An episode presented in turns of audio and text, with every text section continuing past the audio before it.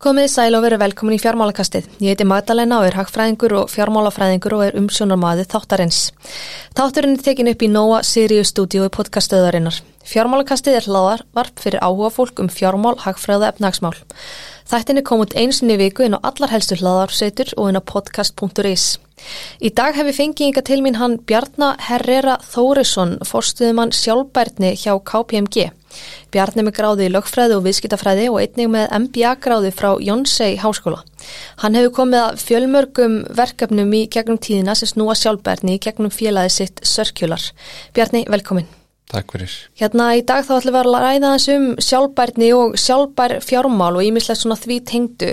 Ég held að það sé óhægt að segja að þetta er í mikill tísku í dag og það er alltaf svona fleiri og fleiri fyrirtæki að leggja áherslu á þennan málaflokk. En kannski við byrjum bara að útskýra hvað er sjálfbærni og hvað eru sjálfbær fjármál? Mm -hmm. Góð spurning, það er ekki skrítið að þú spyrjir, margir spyrja þessu, segja þessu hérna, þessa dagana og, og síðustu fjögur ár hef ég verið að læra meira og meira inn á þennan sjálfbarni heim og, og sjálfbar fjármál yfir höfuð. Ef við tökum bara sjálfbarni hugtaki í grunninn eh, þá var það svona skilgreint nokkuð vel í, í hérna, skýslu frá 1987 frá hérna, Gróhalum Brúntland sem var þá fórsettisraður á Norex og skýslu fyrir saminuðu þjóðunar þar sem að sjálfbarni var skilgreint þannig að við verðum að tryggja það að framtíðarkynnslóðir hafi aðgangað sömu resursum og við höfum í dag. Þannig að við viljum ekki eðilegja fyrir framtíðarkynnslóðum að þau geti búið við góð lífskilirði og góð jörð. Þannig að við þurfum að passa á því hvað við erum að grafa upp úr jörðinni og hvernig við erum að hafa okkur í, í, í, hérna, í náttúrunni og, og passa upp á að, að samfélagið okkar virki vel. Þannig að það er bara svona í grunninn þannig að við viljum lifa í góðu samfélagi og við viljum lifa í sáttu samliti við jörðina. Einmitt. En hvað er svo sjálfbær fjármál? Ég held að margir velti því fyrir sér. Einmitt. Uh, svo kannski að taka svona, ef við tökum sjálfbærni hugtakið aðeins lengra sem ingang séðan inn í sjálfbæri fjármálin að sjálfbærni skipti séðan þá í ef við hugsaum það bara út frá fyrirtæki í umhverfs- og lofslagsmál félagslega þætti sem er svona mannfólkið, stjórnarhætti og hagseld. Þannig að þetta myndar saman svona breytina sem er sjálfbarni.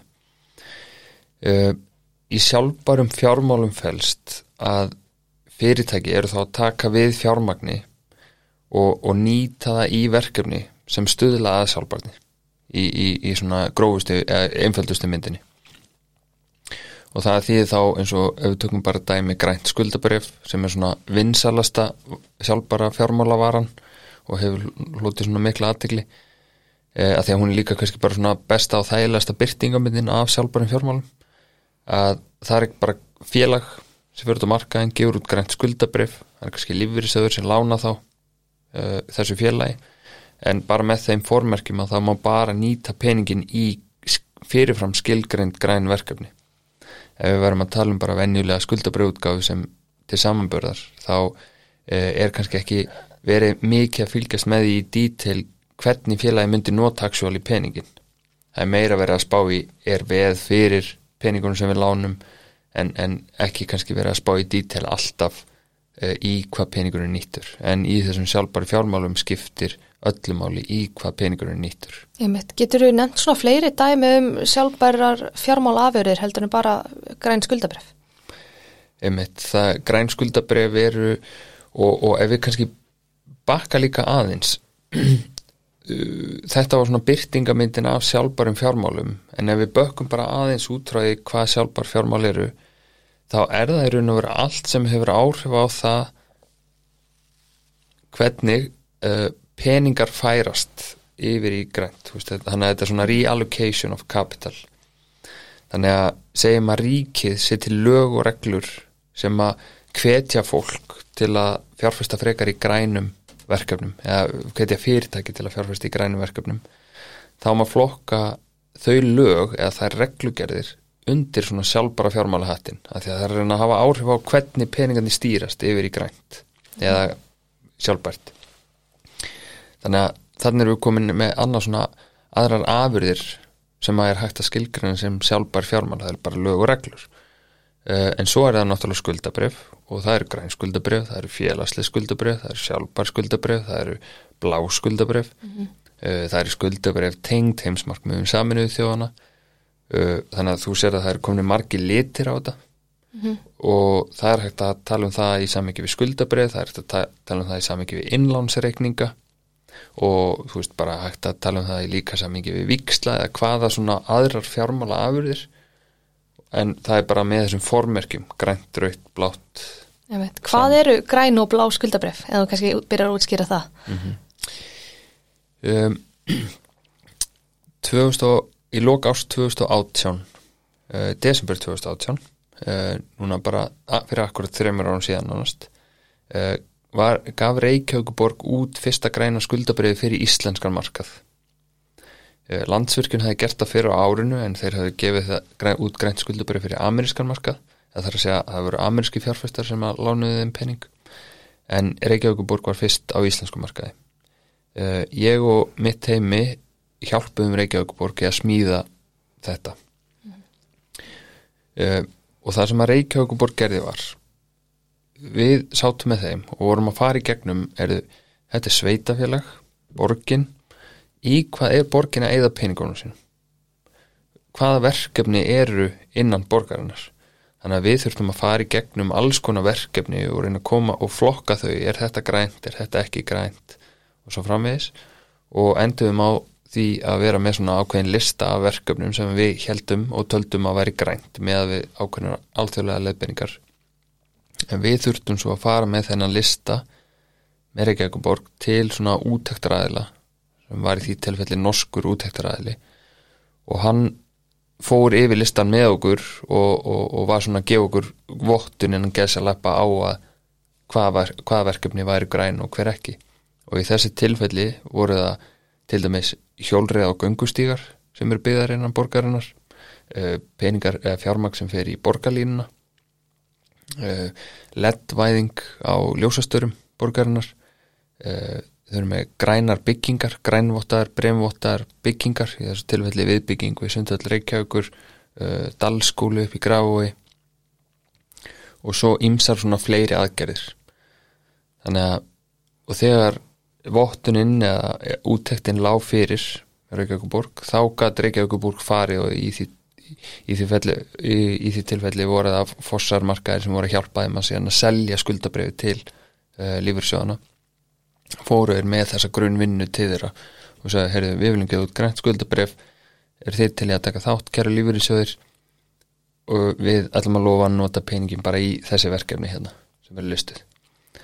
Þannig að þetta er í raun og veru grænt skuldabref og lífurinsjóðunum verið til að taka þátt í þessu og, og síðan þá hafa fjölmarkir aðrir aðilar gefið út svona skuldabref, orkuvita reykjaugur, reygin, fastegnafélag, eh, félagsbústæðir, félagslegt, eh, landsvirkjum gefið út meira, orkuvita reykjaugur breytt sinni nálgun, eh, bankarnir hafa allir gefið út svona skuldabref til að fjármagna sín lánsöp og fleiri aðlar. Hvað eru bláskuldabref eða ferðast í það? Já, og svo er það nýjasta viðbútinu markaðanum í Íslandi. Brim gaf út hérna græn og bláskuldabref núna um daginn og, og það var núna búið að vera svona smá fréttaflutningur í kringu það og mér skilst að ég byrta skrein eftir mig í hérna, fiskifréttu núna að ég er að tala um það. Uh, þá er sérst Brim að gefa út bláskuldabrif og að því að auglustlega brif er svona nærtengdara hafinu og liturinn blár er þá verið að svona tilenga hann haftengdum verkefnum, sjótengdum verkefnum, sjávarafurðum. Þannig að þetta er í eðli sínu svona græn verkefni innan gesalappa sem tengist hafinu. En, en þetta er svona tækifæri sem ég sá fyrir nokkrum árum og, og promótaði svolítið við sjávarudvein og sem hann tók rosalega vel í og endaði þessari frábæru útgáfi hjá Brim sem tók svona svolítið leiðtáðar hlutverk í þessum fjármagnunar heimi að, að þar í þessum bláa sjálfbara fjármála heimi e, eru ekki alveg að formfastar svona leikreglur eins og því sem græna mm. í græna heiminum eru fordæmi alveg aftur til ásins 2007 en það er í raun og veru bara e, tvö ár eða svo rúmlega síðan fyrsta bláa skuldabyrja að gefa út í heiminum þannig að þetta er allt svona mjög nýtt og í mótun og mun þróast mikið á næstu árum en, en frábært svona leita á hlutverki á Brim og, og náttúrulega stóra hrettir í dag að Greta hætti á einmitt.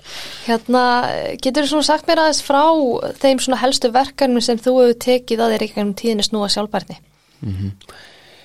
Þetta er þarna sem sagt saga félagsins Sörkjular sem að ég tók þátt í að stopna með, með hérna nokkurinn strákum, reynismára sem er í landsbankanum og Hafþór Ægir sem er með mér hérna í KBMG uh, við okkar hugsun frá upphafi var svona, heyrðu, það er að koma hérna hólskepla af einhverjum ál, hérna, áskorunum og, og, og verkefnum sem þarf að leysa í svona sjálfbærti mengi og munið, þú veist, þetta er umhverfis og lofslagsmál, fjálslið, þetta er stjórnarhættir og, og þetta er, er skýstlugjöf í kringum þetta, þetta eru alls konar greiningar, teknilega greiningar, þetta eru stefnumótun og öll þessi sjálfbæri fjármálaverkefni. Þannig að við svona sáum tækifæri í því þessu. Eh, Þeir voru sínt á þeim tíma prófessorar í háskólanum, báðið með doktorskráðu. Uh, ég hef bakgrunn úr bankaheiminum, var, vann þar í 7 ár, 7-8 ár uh, og, og, og svona fyrsta sem ég hugsaði bara, heyrðu, allir þessi sjálfbærni loftasmála heimur, hann verður að tengjast fjármála heiminum og, og það var eitthvað svona sem við kerðum svolítið hart á á, á sín tíma. Þannig að við höfum unnið alls konar stefnumótuna verkefni fyrir mörga stærri fyrirtækjum í Íslandi, landsverkjun, össur, vís, fleiri, þar sem við erum að sitja með þeim og bara lappa í gegnum, heyrðu, já, já, uh, vís, þeir eru tryggingafélag, hvað tryggingafélag í sjálfbarni? Tryggingafélag og ekki vera að gera það sama og, og landsverkjun, sem er orkufyrirtæki. Það er svona minsmunandi blæbreðamunur á hvernig þau nálgast uh, sjálfbarnimálinn. Uh, alls konar skýslugjöf, ESG skýslugjöf, uh, grænt bókald, lofstast bókald, fleira. Og, og alls konar svona sérhæðar greiningar, lífsfélisgreiningar skilja verðiskeðu vara unni með össuri og marel í alls konar ver- verkefnum sem er að framleiða vörur og skilja hver, hvert kólmins fótspor bara ákveðnar vöru er bara frá þetta ráöfni í örðinu og þannig til þetta notað. Þannig að það er svona ímisverkefni og, og þeim er bara fjölgandi að því að af því að allir þessir hagaðilar fyrirtækina við skiptaðinir, starfsfólk byrgjar uh, fjárfestar uh, eftirlitsaðilar þeir eru að byggja meiri og meiri upplýsingar krefja fyrirtækinum að framkoma meiri og meiri greiningar og, og skilja skilja meira. Þannig og, og svo er löggjafinn líka að koma með alls konar lögureglur og Evrópusambandi að koma með lögureglur og þannig að þetta er alltaf færast í Já, já, menn bara aukast á næsta árum. heldur betur En hérna, segð mér, ert þú að vinna hjá félaginu Sörkjular samhliða vinnuninni hjá KPMG? Það var þannig að sagt, félagi Sörkjular var hérna stopnað þarna fór á stað í lók ást 2017 fáum fyrsta viðskiptavinnun okkar í janúar 2018 uh, mjög ánægur það, það voru Marel og Vís stór fyrirtæki sem bara svona treyst okkur til að koma og hjálpa sér með einhver ákveðin verkefni. Uh, ég var framkvæmstjóri þess félags og, og, og hérna rak það í þrjú heil rekstrar ár 2018, 19 og 20 og í lok ást 2020 núna fyrir bara réttum ári síðan þá kaupir KPMG félagið. Þannig að þau kaupa bara félagið svona með manni og mús eins og maður segir. Þannig að við uh, starfsmenn sörkjular, næstu allir fórum yfir með, í kaup, kaupunum til KPMG og þannig tekið við sem hérna svona fórstöðum aðeir sjálfbarni hjá, hjá KPMG og, og í dag eru það sex starfsmenn sem að sinna verkefnum sjálfbarni þar. Hvaða svona fyrir, eru svona einhver fyrirtæki í Íslandi sem láta sér svona sérstaklega sjálfbæri fjármál varða? Já, klálega uh, eins og nefndi áðan það komið fleiri og fleiri fyrirtæki sem hafa gefið út skuldabref uh, Arjón banki hefur stopnað hérna grænan innlánsreikning fyrsta og já, gott ef ekki eina innláns, græna innlánsreikningin akkurat núna eða hvort að einhver annar banki hafa gert það ég eh, held ekki. Þannig að allir þessir útgefundur hafa látið sem máli varða. En kannski líka meira skiptir er að fjármála hérna, uh, geirin hefur látið sér þetta varða mjög mikið. Lífverðisjóðunir uh, voru mjög í ákvæðir fyrir þessu strax í byrjun þegar Reykjavíkuborg var að gefa út þennan fyrsta svona græna fjármálagerning á Íslandi. Og ég gæti ekki skinni annað en bara svona mikinn áhuga hjá þeim. Og, og, og það hefur sínt sig í öllum þessum útgáðum síðastliðin þrjú ár á þessum fjármálagerðingum að það hefur verið alveg þó nokkuð góð eftirspurn.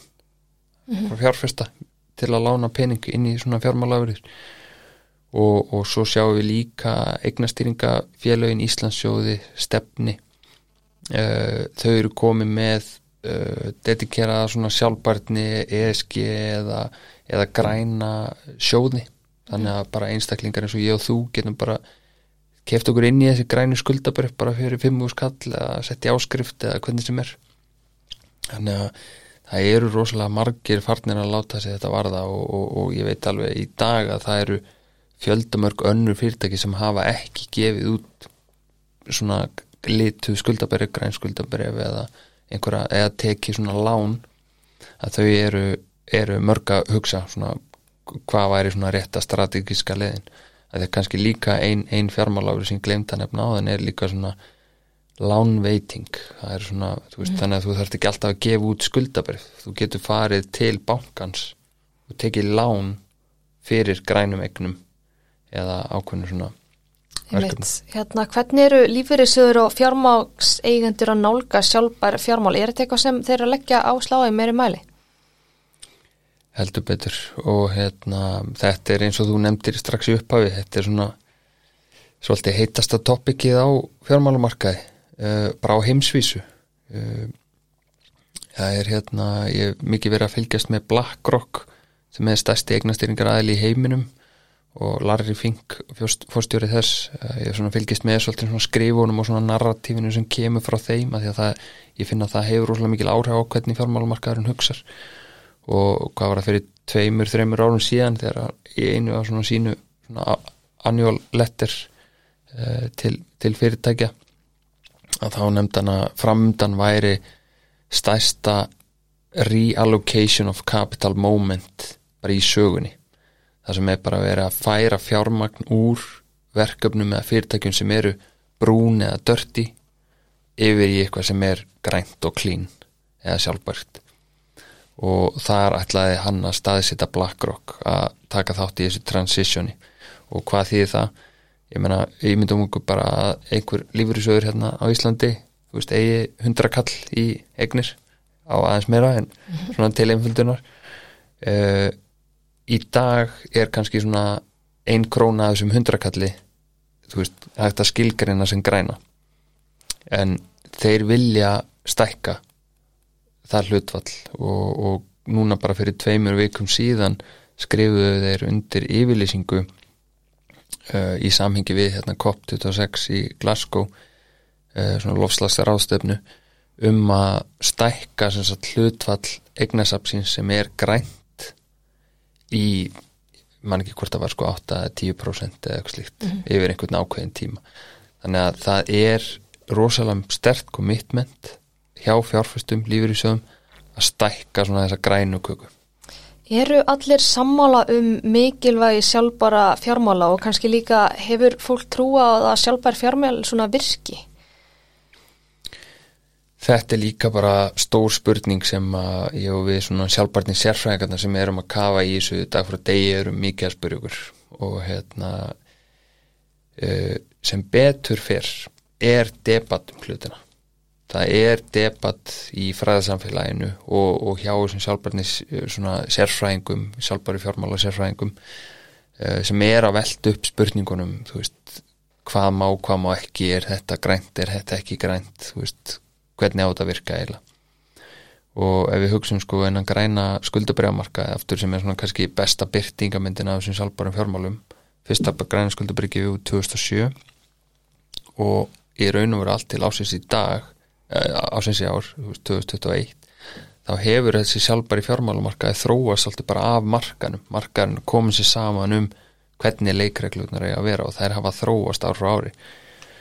Eh, það hafa náttúrulega komið upp líka mörg svona grænþvottar case, mm -hmm. þú veist, þar sem að að því að þetta er eins og nefndir, þetta er svo vinsælt. Það eru svo mörg fyrirtæki sem að sjá haksinn í því og mörg fyrirtæki sem sjá líka svona PR og marketing hag í að svona, heyrðu, förum að græjum eitt grænt skuldabref og fáum benefitið að því í svona umfjöllun. En myndur þú segja að grænþáttur sé vandamál Íslandi?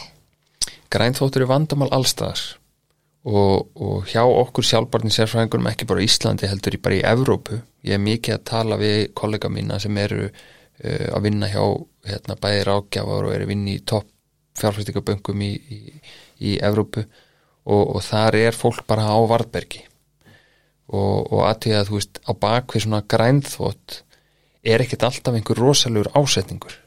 Heldur þetta er meira það kannski bara gleymist að skoða eitthvað eða, eða það er svona verið að reyna að taka aðeins auðveldari leið út úr hlutunum og láta hlutina lít út úr að vera grænni eða þeir kannski raunverulega eru.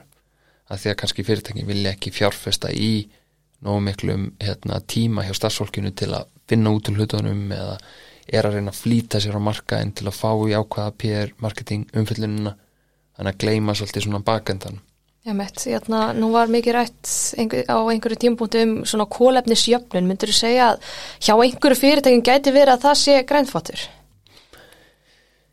Það hefur verið rætt um það á markanum, já. Eh, sko, hvað er kólöfninsjöfnun? Eh, sko, fyrst og fremst fyrir fyrirtæki, þá er almarkmið að minka losun gróðsaloftegunda. Eh, það er svona, þumalputturreglurnar eru þessar. Minka losun eh, og, og svo jafna. Veist, þannig að fyrsta skrefið er kannski ekki að jafna losun eða er engin áallin um að minka þannig að e, það hafa alveg komið upp dæmið þar sem að kannski fyrirtæki hafa verið kannski að e, kaupa sér svona kóluminsjófnun hvort það er að planta trjám eða hvað sem er. Og, og hérna án þess að hafa nýna sérstakar áætlanir um hvað ætli þið síðan að gera í einn rekstrun þannig að það hefur verið að nota þetta sem svona plástur svolítið. Og, og í einhverjum tilfellum, ekki mörgum einhverjum tilfellum eh, hefur kannski verið stundum svona svolítið grænþvóttalikt af því að, að fólk hefur haldið og, og, og aftur það hefur kannski ekki endilega verið ásetningur á bakveða þetta er kannski bara svona einhver miskilningur á því hvað þetta er og, og hvað losum grósaloftegunda er og, og hversu nöðsynlegt það er að minka þér þannig að það hefur kannski verið farið út í svona jöfnunar aðgerðir og, og, og kannski stjórnendur þeirra fyrirtækja kannski liti á að herðu þá er bara málið leist og við erum bara sjálfbær og allir glæðir en, en svo einfalt er það ekki. Hvernig sér það fyrir að sjálfbær fjármál munu þróast á næstu árum og ára tugum kannski? um, eins og ég nefndi þá ef að, ef að hérna, Larry Fink á BlackRock hefur rétt fyrir sér og, og núna sé að eiga sér stað stærsta reallocation á kapitali í sögunni þá mun munu það sem er hægt að skilgjörna sem sjálfbarar eða græna fjárfestingar vaksa og stækka alveg gríðalega mikið uh, við erum kannski eins og hefur kannski komið fram í fyrir podcast átum hjá þér að við erum einhvern veginn á þeim tímpunkti núna í, í hérna í hérna hvað sem var, þú veist, í, í, í, hérna ekonomíinu, þú veist, að, að það er bara til ótrúlega mikið af peningum það er ótrúlega mikið einhvern veginn af fjármagni í kerfinu, selabankar hafa verið að spýta út í kerfið, þannig einhvern veginn allir nóga peningum það, það hafi við bara svona stofnarnar fjárfæstar og aðrir. Þannig að vandamáli er ekki að sé ekki til nægur nægt fjármagn, en kannski er aðal vandamáli núna að það vantar græn verkefni. Það vantar fleiri verkefni sem er hægt að skilgræna sem umhverfisvæn og græn og þetta heyri ég svolítið á markanum Íslandi. Þannig að til lengri tíma þá bara á eftirspurn eftir þannig verkefni eftir að aukast og aukast og aukast og aukast af því eins og ég sagði, lífyrirsjóðinni voru að skrifa undir yfirlýsingu þegar að reyna að stækka hlutvallega eignasamninu sem er hægt að skilgræna sem grænt. Og þetta eru allir stopnarnir fjárfæstar nánast í öllum heiminum að gera. Þannig að það verður til bara gríðalega mikið fjármagn sem að verður að leita í grænverkefni eða sjálfbæri eða ESG tengd eða félagsleg eða blá. Við notum bara svona græn sem svona byrtingamindina Emmett. Hérna áhugavert að fylgjast með þessu En hérna svona í lókþáttar þá spyr ég svona gæstum mér spurninga á svona persónulega nótum þannig kannski ég byrja á að spurja hvena fórst þú að hafa áhuga á sjálfbærni og sjálfbærum fjármálum? Er þetta eitthvað sem þú hefur bara alltaf haft eða kviknaði þetta á einhverju tímabúndi? Ég hugsa að ég geti sagt að svona frá því ég var ungu maður þá, þá svona vildi ég hafa svolítið svona stærri sín á lífi og vildi láta svona láta svolítið gott að mig leiða. Uh, fór í lögfræði, læri lögfræði, vann í böngunum í átta ár var hérna fimm ár sem aðstafum að bankastöru hjá Arjón banka þar sem ég var að sjá um bara svona stjórnarhætti bankans og, og stjórnarhættir, governance er, er eitt hluti, eitt pillarinn af þessum sjálfbarni mengi þessu ESG eða UFS mengi. Þannig að ég var þá var ég hvað 24 ára þegar ég byrjaði því tjópi og, og þá fór maður svona að hugsa um svona veist það er kannski einhver aðri tilgangur í rekstri fyrirtæki heldur en bara að græða pening veist, day in, day out. Þannig að það er fyrirtæki þurfa svona bara bera meiri vinningu fyrir jörðinu, umhverfinu og, og fólkinu og félag, uh, hérna, samfélaginu. Uh, þannig að þetta var svona vakti, var á bakveirin hjá mér uh, fór svo út til Asju bjóð þær í fjögur ár fór í háskóla í Söðukóru og kláraði Philipsheim vann svo í 2-3 ári í hérna, Singapur og þar fekk maður bara svona alltaf að sína á lífið og, og heiminn. Og fór að sjá hlutana í svolítið öðru samhengi. Og fór að vinna hjá skipaflutningafyrirtæki þar sem að ekkert var að tala um sjálfbarni árið sko 2017 mm -hmm. uh, og fann svona heru, bara heimurinn er á einhverju aðnari vekkferð og, og ég vil taka þátt í því að kontributa mínum kröftum í það en svo bara var ég þá búin að taka eftir að það var eitthvað svona megatrend í gangi að það bara allur heimurinn vildi verða sjálfbarari og, og þá bara svona stök, stökki á það með, með mínum félögum Einmitt, hérna, það er aflust margir hlustendur sem vilja kynna sér sjálfbærni nánar. Er eitthvað lesafni eða einhver bók sem þú mæli með fyrir hlustendur fjármálakassins? Sko, þetta er mjög erfið spurning. Vil bara nefna allt. neða, sko, vandamálið er að, að það er ekki svo margar góður svona bækur það er hérna, það er vöndun á bókum, ég er reglulega spurður um því hvað bækur á ég að lesa mm -hmm. jú, ég get nefnt tvær þjóður bækur Donut Economics og, og hérna uh, ég man ekki eins og hvað hva einn heitir og maður heldur góðsamt það kemur tíminn en hérna, uh, það vantar bækur þannig að besta í raun og veru fyrir þá sem vilja kynna sér þetta er bara svolítið að detta á googlið og, og, og leita uppi líka bara á Google Scholar nýjar svona rannsóknir og stúdíur um, um Sustainable Finance og Sustainability, ESG ESG Finance. Uh, skoða svona þetta content sem er að koma frá þessum stóru ráðgjafafyrirtækjum út í heimi, það er oft svo rosalega gott quality content og þau eru svo framalega á vagninum og framalega í hugsunni, þannig að þú veist McKinsey, BCG og svona mitt hérna, félag KPMG Global veist, og þessi Big Four, Deloitte A, það er, það er hægt að finna rosalega góðar upplýsingar. Mitt, hérna, hvað finnst þið skemmtilegast að gera undan vinnu? Góð spurning. Það er bara að lesa sjálfbærni. Ég reynir nú að taka minn smá pási á annars slæð það er hérna, síðustu fjögur ár hef ég verið að lesa rosalega mikið um sjálfbærni. Það er svo rosalega margt í svo margi núansar. En svona þess fyrir utan þá reyf ég mig mikið. Uh, var hérna, þegar ég bjóði Asju þá var ég já, næstu bara semi-professional hjólreðamæður í götti hjólreðum en þurfti að hætta baki fór eitthvað í smá klassu. Uh, núna síðustu ár ég er sérst æfði skýði í 15 ár þegar ég var krakki og er svona að byrja á skýðum aftur þannig að skýðin eru mitt passion gönguskýði, fjallaskýði og sveiskýði en uh, svo, svo reynir ég líka bara að lesa líka bara bókmyndir og, og hérna fleira svona örfa hugan ja. það sé ekki bara svona áhuga mál hjá mér Ekki til marga bækur í sjálfbarni en það eru til marga bækur, áttu einhverju upphalds? Litli prinsinn mm -hmm. rosalega góður uh, bækur eftir Gabriel García Márquez uh, það vil svo til að hérna, ég er uh, amma mín í Kolumbísk þannig ég á rætur að reykja til Kolumbí á mjög stóra fjölskyldu þar. Gabriel García Márquez Nobelvelun höfundur á margar frábæra bækur sem ég sem er rosalega gaman að, að, að lesa og fá svona einsinn í minn svona bakgrunn þá, þá rót uh, les líka Haldur Lagsnes mikið, annan ábæðisvöluna höfund. Hefur rosalega gaman að Haldur Lagsnes gefur svona skemmtilega einsinn inn í inn í hérna samfélagi á Íslandi. Þannig að það er svona nokkra bækur allar. Ok, hvað er draumastarfið? Góð spurning. Eh, Ég hef náttúrulega sko draumastarfi var það sem ég var að gera að vera framkvæmstjóri Circular Solutions. Eh, ég bara nöyð mín rosalega mikið og, og hérna það var náttúrulega það er gríðarlega ábyrð að vera framkvæmstjóri og eigandi fyrirtækis. Og, og þurfa að vakna á daginn og fara að sofa kvöldin og, og bara hafa áhyggjur af því og vera með þá ábyrð að fara út á markaðin skapa tekjur til að borga fólki laun sem að maður er með í vinnu. Uh, en, en þegar það tekst þá er það gríðarlega svona rewarding og, og, og, hérna, og þetta var mitt fyrsta fyrirtæki sem ég stopna og reg og næs hérna að selja.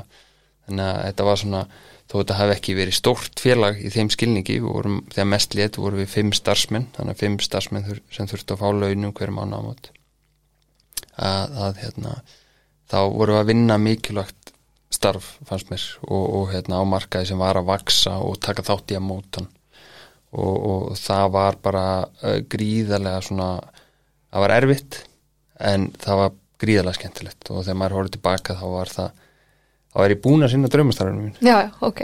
en það kemur eitthvað annað draumastarf Já, var rétt skrifa þetta til KPMG?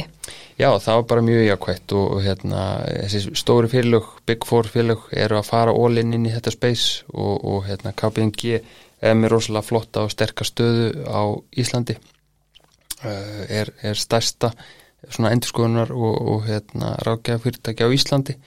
Þannig að ég er bara að halda áfram að sinna þeim viðskiptavinnum sem ég hjálpaði á, á sörkjulartímanum og, og fleiri nýjum. En ekki bara það heldur er ég líka að taka þátt í því og hafa áhrif á hvernig fullta öðru fólki innan KPMG er að hugsa. Vist, ég er mikið að tala fyrir framkvæmstjóran stjórnina, sviðstjóran hvernig á að innlega sjálfbarnin í endurskoðun? Hvernig á að innlega sjálfbarnin í lögfræði og skatta hvernig á að innlega sjálfbarnin í, inn í díladvæsur og IT og eitthvað svona þannig að ég er í þeirri stöð að geta haft áhrif og rosalega marga og, og, og svona jákvæð áhrif Einmitt. Er eitthvað svona að lókam sem þú vil koma fráfæra, einhver svona skilabóð um sjálfbarni? Talandi um bækur, þá hérna las ég uh, nýlega eins og margir aðrir hérna bókina eftir andrasnæð um tíman á vatnið og, og hérna hann setur þetta í svo skemmtilegt samhengi og við erum nú, þó ég sé nú aðeins eldri en þú, þá, þá erum við nú samt svona dalti ung mm -hmm. uh, en, en svona þegar fólk er farið að vera eldra þá sér það hvað er stuttu tími á milli badna og badna og badna og af og ömmu veist, af, afi og amma okkar og svo badna badnin okkar kannski mm. veist, þetta er svo stuttu tími í sögunni og, og hvað mikið getur gesta á þessum tíma þannig að það sem Andri Snær var bara bend á veist, við verðum að haga okkur í dag þannig að badnin og badna badnin okkar og, og svo lengra áfram uh, erfi í jörðina eins og við viljum að erfana og, og lifi í samfélagi sem er gott. Einmitt. Frábær lokaord. Bjarni, þakka kjalla fyrir komuna. Takk fyrir. Eh, fjármálakasti verður ekki lengri í dag en ég vil þakka ykkur kjalla fyrir hlustununa og minn ykkur að fylgja fjármálakastinu á Facebook og Instagram en þar koma allar upplýsingar um nýjastu þættina. Verðið sæl.